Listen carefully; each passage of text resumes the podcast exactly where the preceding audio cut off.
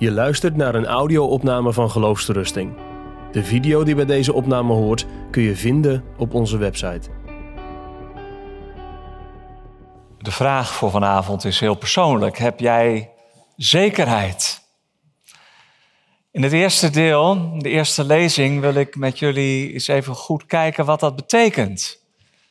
En als je geen zekerheid hebt, hoe het dan komt. Alsof je bij de huisarts bent met wat klachten, misschien vage klachten. En de huisarts stelt een diagnose. Wat is er nou aan de hand? Misschien helpt het je. Misschien heb je ook wel dat gevoel: help, ik zink weg. Ik verlies mijn houvast. Ik heb geen zekerheid. Ik heb geen houvast. Of ik heb het niet meer. Waar komt dat vandaan? Nou, en als we dan de diagnose gesteld hebben, dan wil ik straks ook nog iets zeggen over het medicijn, de genezing, de weg die je kunt gaan om tot die zekerheid te komen. Of die zekerheid weer terug te vinden. Want er is een geweldige strijd aan de gang. Niet alleen daar in Oost-Europa, die verschrikkelijke oorlog met al duizenden en duizenden slachtoffers. Maar er is ook een geweldige strijd aan de gang in heel de geschiedenis van de wereld. Een strijd tussen het koninkrijk van God en van het licht en van de waarheid en van de vrede. En het rijk van de duisternis en van de leugen en van de dood en van het verderf. En jij, wij allemaal, zijn onderdeel van die strijd. Er wordt aan ons getrokken naar de ene kant en naar de andere kant. Ik hoop tenminste dat je dat ook zo ervaart, dat het niet allemaal maar een beetje voortkabbelt in je leven. Dat zou best gevaarlijk kunnen zijn. Nee, er is een geweldige strijd. En in die strijd is geloofszekerheid heel belangrijk. Om te weten in wie je geloofd hebt. Om staande te kunnen blijven. Om houvast te hebben. En niet zoals in het drijfzand weg te zinken in de modder. Zo staat het ook in een van de psalmen. Ik zink in het slijk. Ik voel mij overstromen. De vloed is mij te groot. Ja, zo kan het soms ook zijn. En waar komt dat dan vandaan? Het kan natuurlijk heel verschillend zijn. Daarom noem ik ook verschillende dingen. Misschien dat je er één heel erg herkent in jouw strijd. Misschien dat je er wel verschillende van herkent. De eerste drie symptomen, of eigenlijk oorzaken, gaan over ons verstand, ons gevoel en over die diepste laag van onze wil. Laten we eerst maar eens even naar onszelf kijken. En daarna naar de omstandigheden. Want soms word je ook van buiten beïnvloed. Sommige christenen hebben heel veel last van wat ik dan maar even noem intellectuele aanvechting. Dat woord ga ik vaker gebruiken. Dat is van Maarten Luther. En hij wist wat dat was. Anvechtung. Je hoort het al, hè? daar zit het gevecht in, die strijd. Misschien herken je dat woord ook wel uit de preker. Aanvechting. En denk je bij jezelf, ja, wat bedoelen ze daar eigenlijk mee?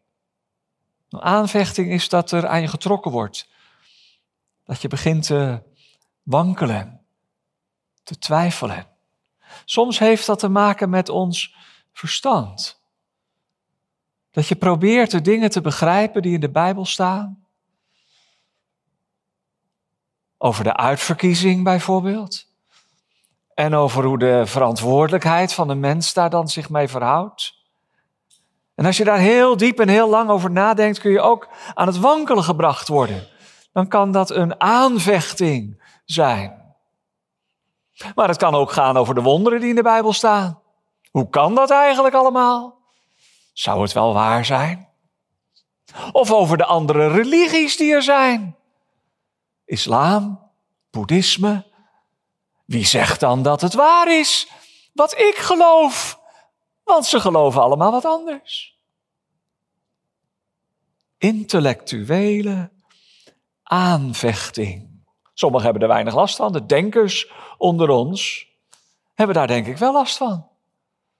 En dan zie je al, bij dat geloofszekerheid, bij dat onderwerp houvast, gaat het niet alleen maar over het heil. Hoe weet ik zeker dat ik naar de hemel ga? Nee, het gaat ook wel degelijk over de zekerheid van het christelijk geloof. Hoe weet ik zeker dat het, dat het waar is? Intellectuele aanvechting. En er wordt aan je getrokken en aan je geschud. En voordat je het weet, zak je weg in de modder. Help, ik zink weg. Weet je dat je God ook mag liefhebben met je verstand? Dat je je verstand mag onderwerpen aan het woord van God. Dat je al die grote vragen niet hoeft op te lossen, maar dat je mag vertrouwen op de weg en de waarheid en het leven. En dat je ook met je verstand mag nadenken wat er in de Bijbel staat. Dat helpt. Maar wat kan het heftig zijn? Die intellectuele aanvechting. Maar er zit nog een laag onder. Ik noem dat dan vanavond maar even de emotionele aanvechting. Soms voel je er niks meer bij. En in je enthousiasme was je geraakt door het woord van God. En je leven werd veranderd. En je verlangde naar de Heer Jezus. En het was helemaal niet zo moeilijk om uit de Bijbel te lezen. Want elke tekst sprak bijna tot je en elke preek was raak. Dat is het werk van de Heilige Geest. Wat mooi dat God dat ook in onze tijd doet. Maar het kan soms ook wel een beetje wegebben. Dat mooie gevoel. Door verdriet in je leven of door zorgen. Of doordat het gewoon, ja, gewoon weg is. Bernard van Clairvaux, de middeleeuwse mysticus die heel veel nagedacht heeft over het prachtige hooglied in de Bijbel, schrijft ergens dat al zijn godsdienstige verplichtingen zijn hart niet meer raken. Bijbel lezen, bidden, zingen. Wat bij dat alles overblijft, is een en al sleur. Aan smaak, niets. De geboden vervul ik wel zo goed en zo kwaad als het gaat. Maar mijn ziel voelt zich daarbij als een land zonder water. Dat kan soms lang duren, zo'n woestijnperiode in je leven. En het kan dan ook wel tot vertwijfeling leiden. Waar is God op wie je bouwde? Sommige christenen zijn daar gevoelig voor. Gevoelsmensen. Sommige christenen, jong en ouder, lijden aan depressie. Of aan depressieve gevoelens, die misschien tot een depressie zouden kunnen leiden. Hoe ga je daarmee om als je in een emotionele aanvechting zit? Ook dat ondergraaft de zekerheid. Waar vind je dan je houvast? Gelukkig is het woord van God betrouwbaar en niet afhankelijk van jouw gevoel. Het is waar. Het blijft waar. Het zal waar zijn. Het woord van de Heer Jezus. De genade van onze God. Of jij het voelt of niet, is niet het belangrijkste. Of je het gelooft. En soms is dat geloof tegen de klippen op. Er is geen gelovige zonder emotie liefde, haat voor de zonde, verlangen naar God. Maar er is soms wel geloof in de gelovige wat weinig voelt en alleen maar God overhoudt. Onder je hoofd, en wat wij meestal het hart noemen, de emotie, zit nog een diepere laag van de menselijke ziel. Je wil. Dat je hierheen gekomen bent was een keuze. Je had niet hoeven komen. We zijn blij dat je er bent. Maar je hebt ervoor gekozen. En zo neem je allerlei beslissingen. Dag aan dag. Wist je trouwens dat in de Bijbel het hart niet staat voor de emoties, maar juist voor dat centrum van je leven waar de beslissingen vallen, waar je de keuzes maakt?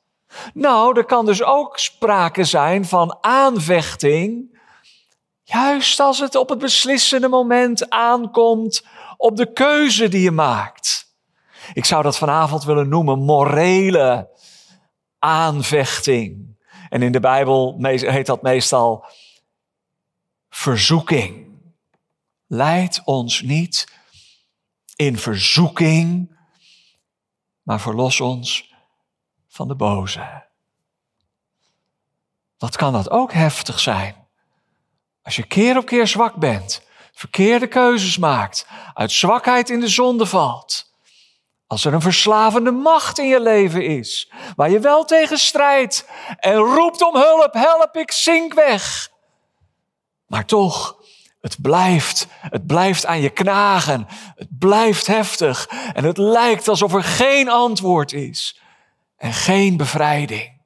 Wat kan zo'n strijd heftig zijn? De gebondenheid sterk. Weet je, als je roept tot God om hulp, en de Heer Jezus daarin nodig hebt, dan ben je in principe vrij van de zonde. Door het geloof, door het vertrouwen op zijn woord. Dan ben je niet meer onder de macht van de zonde. Ook al ben je zo zwak dat je er elke keer weer in valt en struikelt. Dat is een geheim. De zonde zal niet over u heersen, zegt Paulus. Maar laat het dan ook niet zo zijn dat de zonde over je heerst. Daar zit een spanning tussen. In die morele aanvechting. Herken je dat? Dat het leven met God, waar je zo naar verlangt, waar je zo naar uitziet, lastig is. Niet omdat God lastig is, niet omdat de wet zwaar is, maar omdat je zelf zo zwak bent. En weg is de blijdschap. En weg is je houvast. En weg is de zekerheid. Wat staat dat mooi in het doopformulier, hè? Als wij soms uit zwakheid in zonde vallen. Nou, soms, zeg je misschien. Bij mij is het vaak. Nou, oké. Als wij vaak uit zwakheid in zonde vallen, mogen we niet aan Gods genade twijfelen. Maar ook niet blijven liggen. Met je pootjes omhoog, achterover. Ik kan er ook niks aan doen, zo ben ik nou eenmaal. Dat wil God ook niet. Maar dat je opstaat in een nieuw leven, in zijn kracht. Ja, dan was ik nog alleen maar met de binnenkant bezig van die aanvechting en het gebrek aan zekerheid. Er zijn ook nog dingen die je beïnvloeden in je levensloop. Dat noemen we de voorzienigheid of Gods providentie. Ik noem dat zo omdat ik het mooi vind dat het zo rijmt. Intellectuele aanvechting, emotionele aanvechting, morele aanvechting en, nou vooruit dan, providentiële aanvechting. In het Engels is het eigenlijk mooier, hè? Intellectual, emotional, moral, providential. Er kunnen dingen in je leven gebeuren die alles op zijn kop zetten. En een groot vraagteken opleveren. Heren, waarom? Nou begrijp ik er helemaal niks meer van. Ik heb er niet om gevraagd. Het is me overkomen ziekte, een ongeluk. En alles wankelt. En er wordt aan je boom geschud. En het lijkt alsof God zijn aangezicht verbergt. En je bent alles kwijt. Wat zijn we zwak, hè? En gemakkelijk te beïnvloeden. Ook door de soms moeilijke omstandigheden. Ja, het geloof heeft soms de schijn van de dingen tegen. Het is een nochtans van het geloof en toch, net als Habakkuk, al zou de vijgenboom niet bloeien en geen opbrengst aan de wijnstok zijn, toch zal mijn beker overvloeien, want Jezus schenkt mij vreugdewijn. Wat er ook gebeurt, ik ben in zijn hand. Maar voordat je er bent, kan het soms heel heftig zijn. En vergis je niet, soms van het een op het andere moment. Maar het zijn niet alleen de dingen die gebeuren. Soms heeft die aanvechting ook te maken met je relaties. Met mensen die tegenvallen, met gebrokenheid, met teleurstelling, met verdriet. Dat kunnen mensen elkaar soms aandoen, ook christenen. Of naamchristenen. Of misschien wel echte christenen. Maar het is zo verwarrend. Hoe bestaat dat? Hoe kan dat? Dat kan toch helemaal niet? Dat is niet in overeenstemming met Gods woord. Of als je je diep verraden voelt, of in de steek gelaten, of pijn hebt. Misschien wel in de meest intieme relaties. Met je vader of je moeder. Of wij als ouderen met een van onze kinderen. Waar het niet lukt. Waar het niet gaat. En waar de macht van de boze soms ook zo op inwerkt. Wat kan dat het geloofsleven donker maken? Een relationele aanvechting, gebrokenheid. Waar vind je troost en hou vast? Here, u doorgrondt en kent mij toch? Houdt u mij vast? En dat brengt me bij de laatste. De omstandigheden.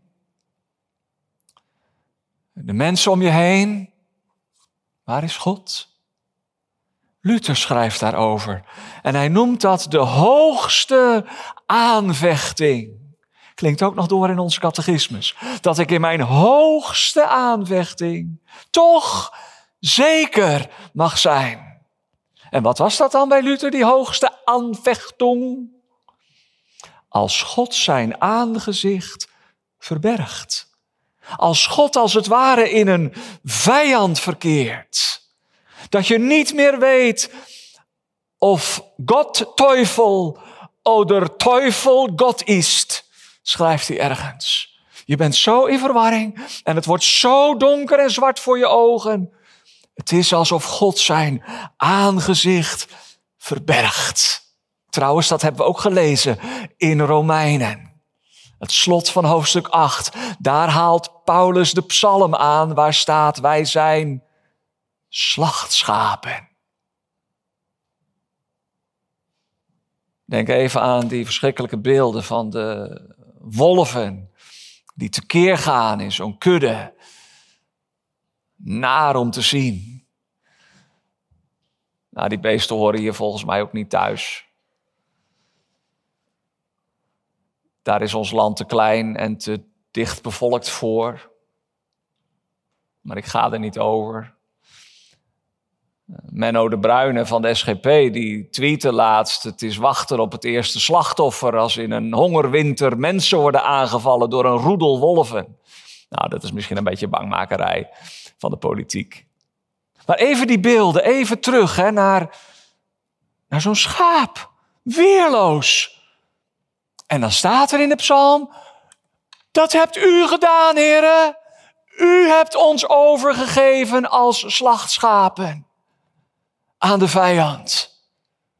Mag je dat zo tegen God zeggen? Job doet het ook. Andere psalmen doen het ook. In een soort wanhoopskreet naar God toe. Heren, waar bent u dan? Het is zo donker, zo duister, als God zijn aangezicht verbergt en er geen sprankje licht meer is. Dat is erger dan de intellectuele, de emotionele, de morele, de providentiële, de relationele aanvechting je zou het een existentiële aanvechting kunnen noemen. Het gaat om je existentie. Je gaat door de grond. Help! Ik zink weg. Heren, waar bent u dan? En dan? Wat houd je dan over?